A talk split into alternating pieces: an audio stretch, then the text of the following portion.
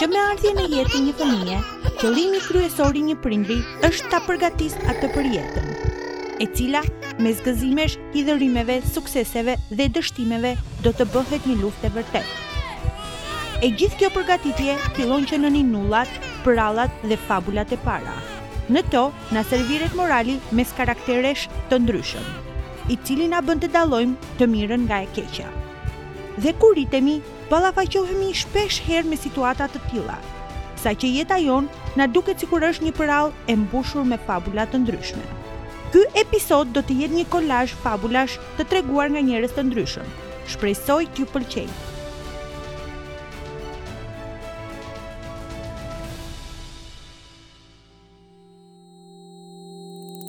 Okay. Ju po dëgjoni? Diçka më shumë. Galoni dhe Ada.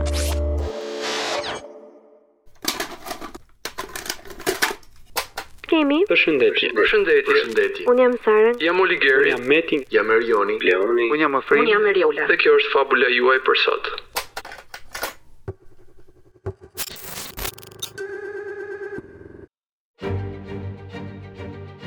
Secili nga ne punon shumë dhe kërkojmë të bëjmë çmos që të sigurojmë jetesën dhe të ardhmen tonë, duke u bazu tek të ardhunat financiare. Tek të tjerët këtë e masim me jetesën luksoze që kanë dhe harrojmë se cilat janë vlerat e vërteta. Për këto vlera, flet fabula e parë.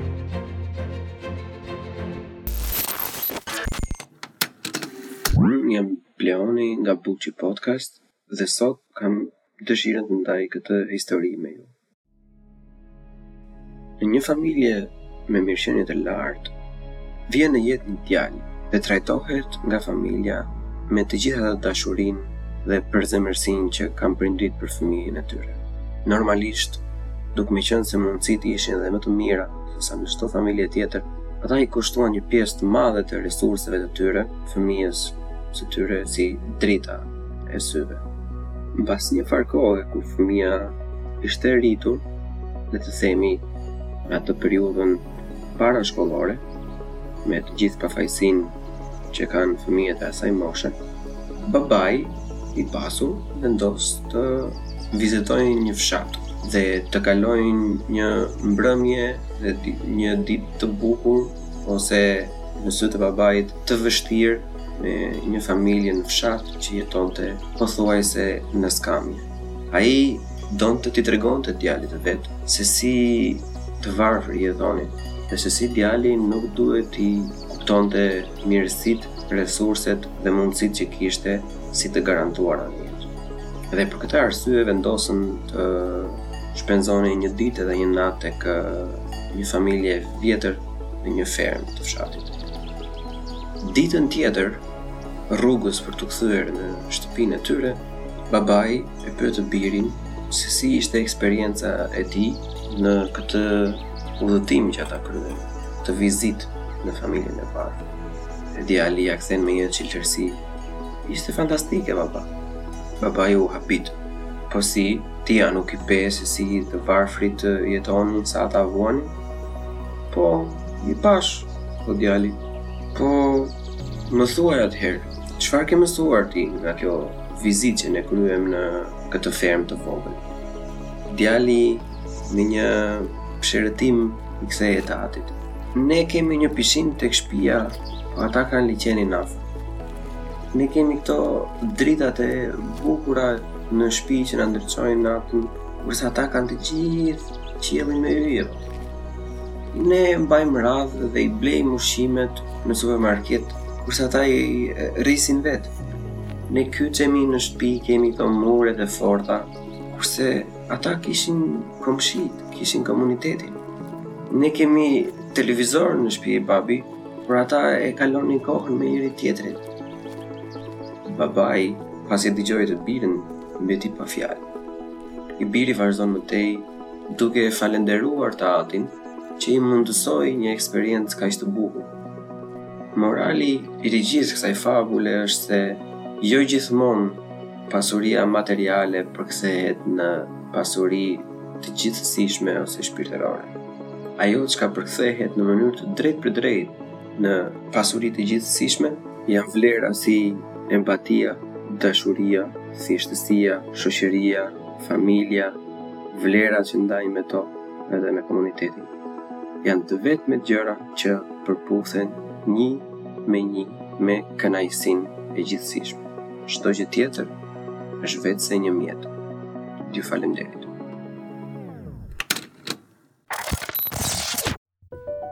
Shpesh herë gëzohemi ose idhërohemi nga situatat e ndryshme që na ndodhin gjatë jetës sonë, pa marrë në konsideratë kohën që kalon dhe pasojat që ajo sjell tek ne.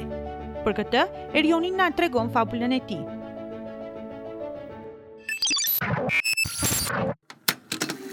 Jam Erjoni dhe dua të tregoj një histori që kam dëgjuar e lexuar shumë herë në disa versione të ndryshme. Na ishte një herë një fermer me djalin e tij. Ata kishin një kalë të dashur që ndihmonte familjen të fitonte jetesën. Një ditë kali u largua e nuk gjendej dot. Gjithë komshinjtë erdhën përreth e thanë. Kali juaj iku, sa fat i keq. Fermeri i dëgjoi dhe u përgjigj. Ndoshta po, ndoshta jo. Do të shohim.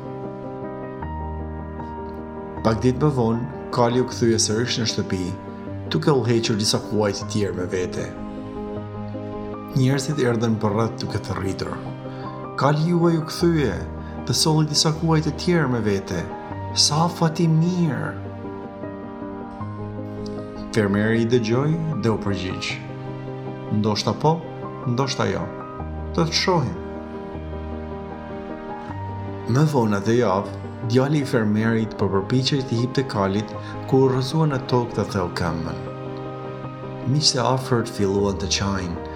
Djali juaj e theu këmbën. Sa fat i keq. Fermeri i dëgjoi dhe u përgjigj. Ndoshta po, ndoshta jo. Do të shohim. Pak javë më vonë, një grup ushtarësh nga Ushtria Kombëtare marshuan nëpër qytet për të mbledhur gjithë djemtë e aftë për të shkuar në luftë. Ata nuk e morën djalin e fermerit, i cili ende vuante nga këmba e thyer. Njerëzit u mblodhën e filluan të thërrasin, Djali juaj shpëtoi, sa fat i mirë. Fermeri i dëgjoi dhe u përgjigj. Ndoshta po, Ndoshta jo. Do të shohim.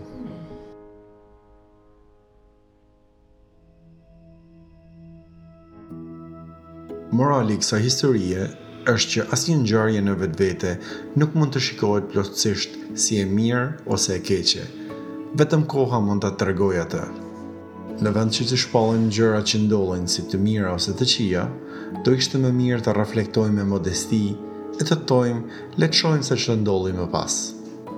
Faleminderit. Kjo ishte historia ime, shpresoj t'u ketë pëlqyer.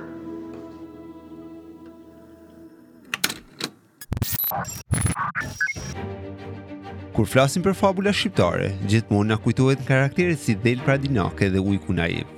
Një fabul të tillë ka zgjedhur edhe Sara, të na lexojë për këtë episod.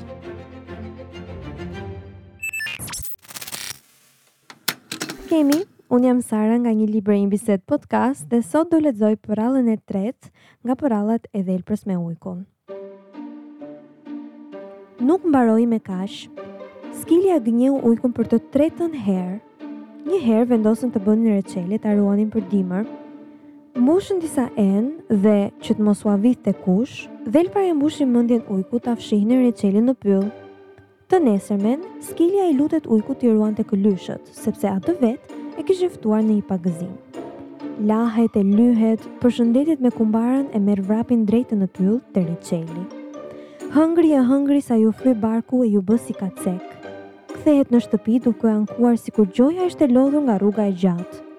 Ujku, duke treguar kujdes për dhelprën, e pyet se përse ankohej. Dhelpra iu përgjigj.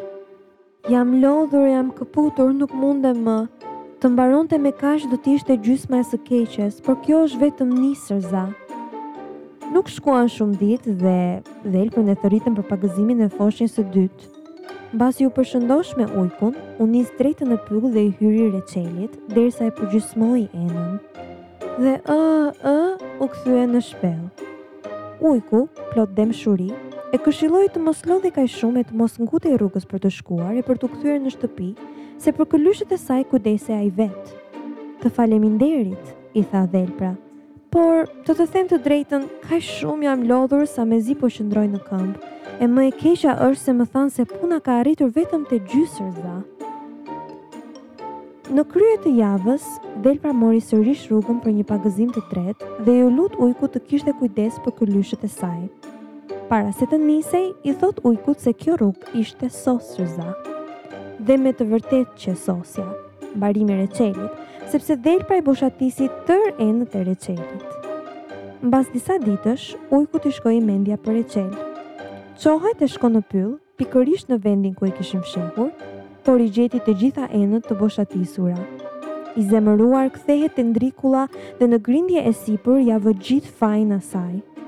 Ujkut i kishte ardhur shpirti në majë të hundës e iu sul dhelprës ta mbyste, por dhelpra, si finoke që ishte, i thotë të shkonin në pyll, pranë një grope le të rridhte aty gjaku i saj, jo në sy të këlyshve.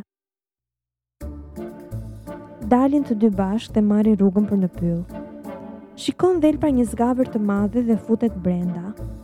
Ujku i sulet nga pas dhe me dhëmbë i kafshon këmbën për t'ia coptuar. Mirëpo dhelpra, me dinakërinë e saj, bërtet. O kumbar, lëshoje rrënjën e kap këmbën!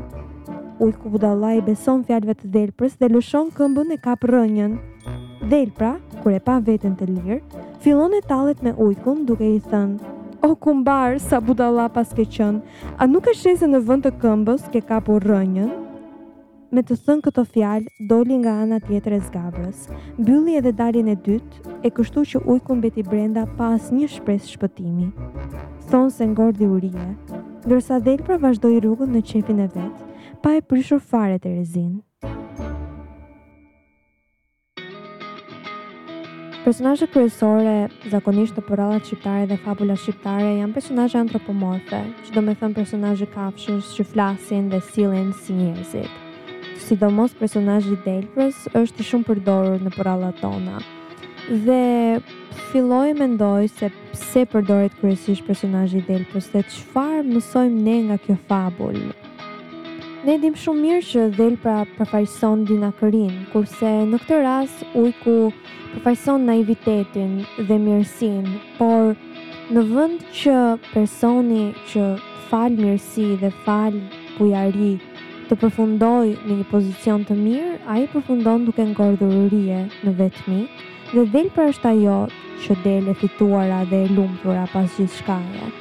Pra, Çfarë në fakt po na tregojnë këto përralla? Po na tregojnë që dhelpra u tregua e zgjuar apo po përdoret si një mënyrë për të shpjeguar që në fakt nuk mjafton të jesh i mirë, nuk mjafton që të jesh naiv, në fakt duhet të jesh dinak dhe në fakt duhet të jesh dredharak. Është diçka pak kontroversiale nëse mund të themi, por gjithsesi mendoj se e përfaqëson goxha mirë shoqërinë tonë dhe çfarë vlerësojmë ne në të vërtetë. Ose mbase thjesht e kam kuptuar unë gabim mesazhin e kësaj fabule.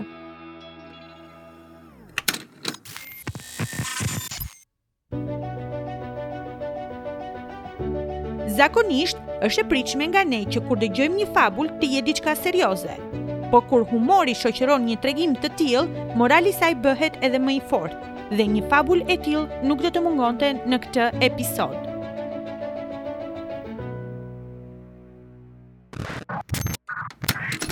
Unë jam Afrimi, ky është tregimi jem për ju.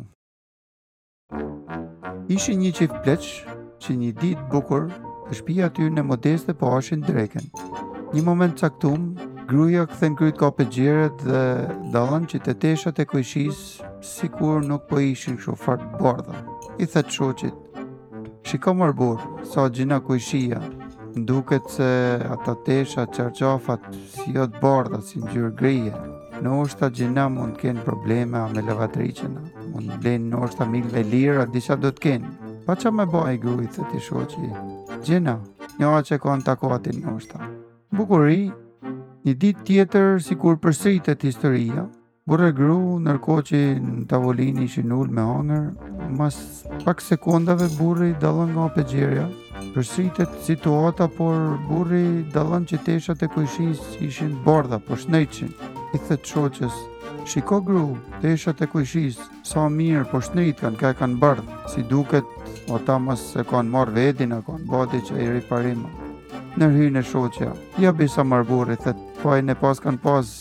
Xhamat e penxheres ishin ba disa ditë pa la e pa pastru.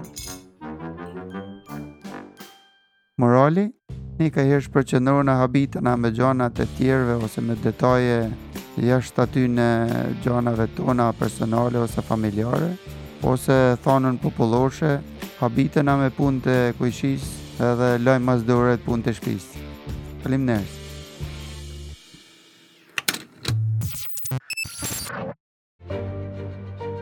Fabula tjetër që do dëgjoni na vjen nga Oligeri. Fabula që ai ka sjell është për na tregu se si duhet të trajtojmë shqetësimet dhe problemet që na krijohen në jetë.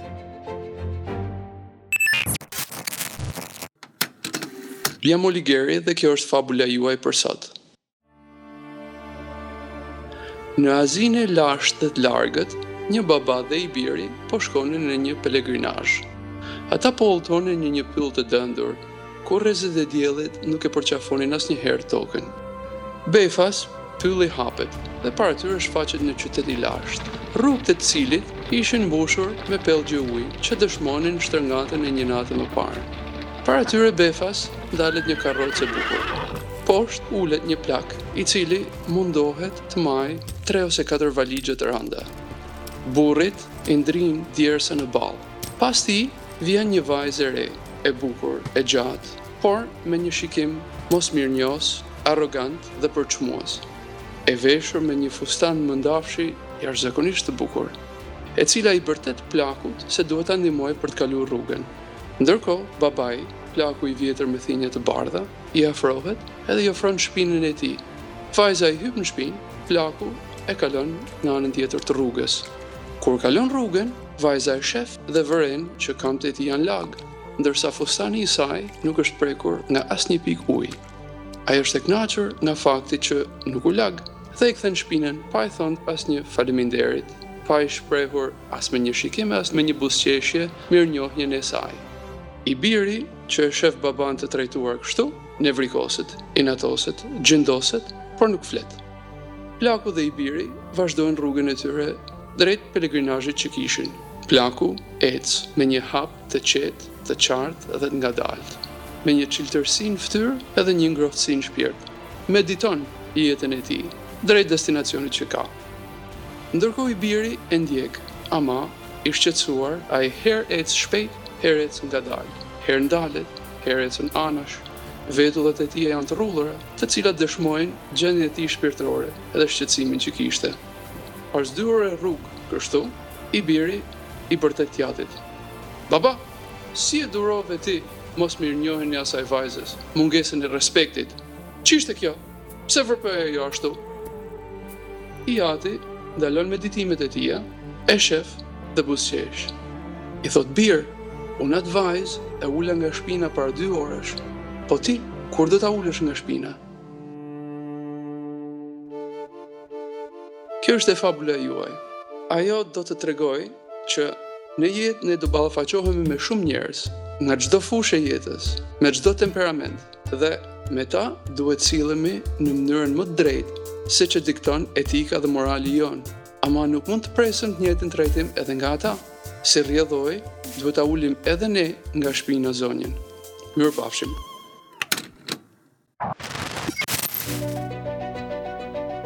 Shpeshherë gjendemi në diskutime ku opinionet tona me ato që po flasim nuk përputhen dhe kërkojmë argumente të ndryshëm për të tregu se na kena të drejtë, kurse opinioni i tyne është i gabun. Atëherë gjithmonë do të kujtoni fabulën që na vjen nga Arjola.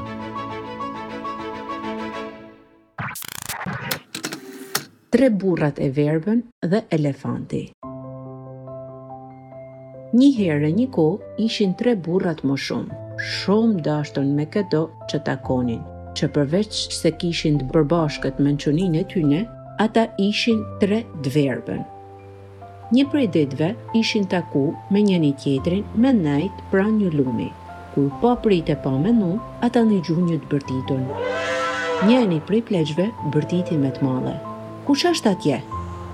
Për fatin e tyne të mirë, ai që u afru ishte një udhëtar me kafshën e tij të madhe, një elefant. M'falni që ju trema, i tha udhëtari. Unë bashk me elefantin tem u afrumë pran këtij lumi për me pi uj. Tre burrat e mençëm, tu nëgju që ishin afër një elefanti, nuk i përmbajten emocionet e tyne t'mdhaja dhe fillunë me pyt. A nëgjumë mirë, a m'duket the një elefant. Udhtari e vuri re që Tre pleqt nuk shihnin, e për këtë arsye, ata nuk kishin pa kafshën e madhe asnjëherë n'jetën e tyne. Ata i thanë udhtarit që ne kena nëgju për këtë kafshë, por ama kurrë s'na merrte mendja se një ditë kena me e pas kaq afër e kena me e prek atë. A mundëna me e prek, zotni? Udhtari, pa u menu gjatë, i tha, Po, patjetër. Të tre pleqt u afrunë me e prek këtë kafshë. Plaku i parë e preku kamën e kafshës dhe tha, një elefant asht si një shtyllë e madhe. Ça thu mor bac, i tha plaku i dytë. Ai i preku veshtë e elefantit dhe tha, një elefant asht si një tifoz, që të freskon me një erë delikate. Të dy jeni tu gabu, i tha plaku i tretë. Një elefant asht si njala, ose si një gjarpën i madh e i trash. Ndërsa tre pleqt po jepnin mendimet e tyne se si ata e imagjinonin këtë kafshë, udhtari i habitun nejti tu menu një copë herë se si tre njerëz po preknin t'njajtën kafshë, por përfundimet e tyne ishin kaq të ndryshme. Morali i kësaj pjese është që njerëz të ndryshëm japin mendime të ndryshme në bazë t'asaj që dinë apo që përjetojnë. Prandaj, secili prej nesh mund të arrijë në përfundime të ndryshme rreth një situate t'caktume. Kur dëgjova për herë të parë fabulën që do të dëgjoni dhe ju tani, më solli ndërmend një gjëegjëzë, e cila kërkonte të gjente se si quhet ajo thikë, që sa ma shumë që ta përdorsh, aq ma shumë do mprehet. Përgjigjja e kësaj është gjuha. Unë jam Meti nga Nku Podcast dhe kjo është fabula ime për ju.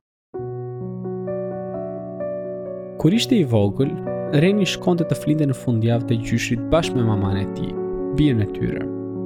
Ai kënaqej kur luante tek apartamenti i gjyshërve me lodra të fundshekullit të njëzetë, kur hante drekën me ta te ballkoni, ose kur dilin bashkë në qendër të qytetit për të ngrënë akullore, apo te këndi i lojërave.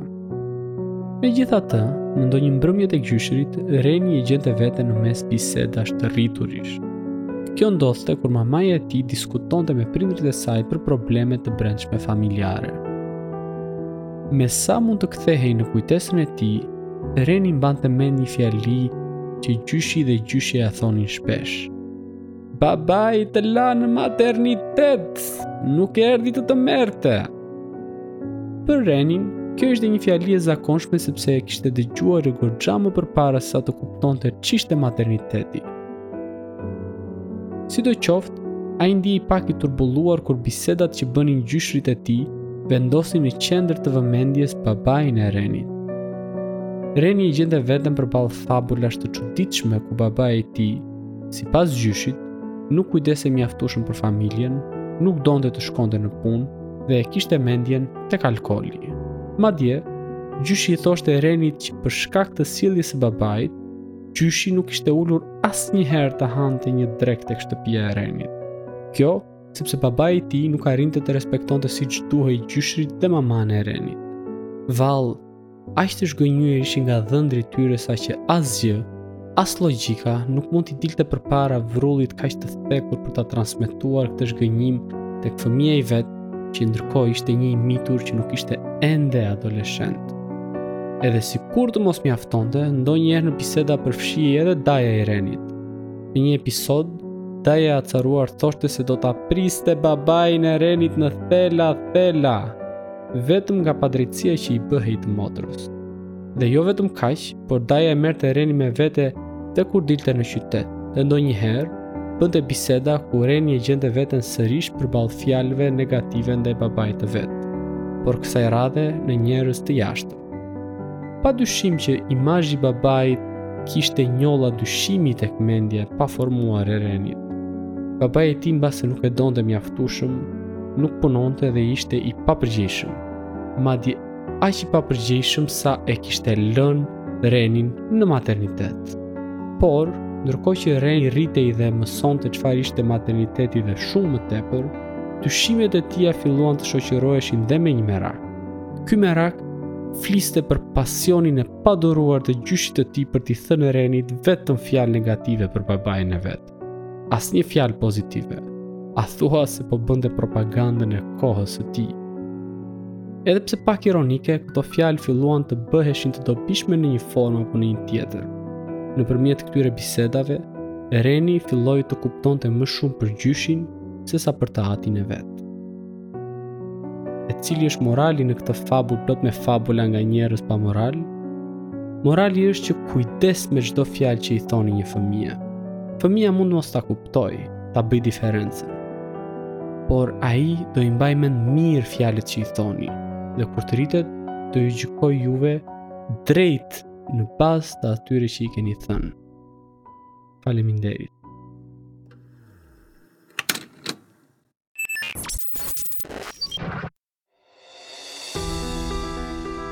Kjo ishte fabula fundit. Përpara se ta mbyllim, i falënderojmë gjithë që e banë të mujtun këtë episod, dhe jo vetëm për fabulat që tregunë, por edhe për kohën e shpenzume. Me sa e vutë re, disa prej tyre kanë dhe podcastet e tyre. Dhe nëse doni t'i dëgjoni, linket i kemi vendosur në përshkrimin e episodit. Ju falënderojmë Dëgjohemi herës tjetër.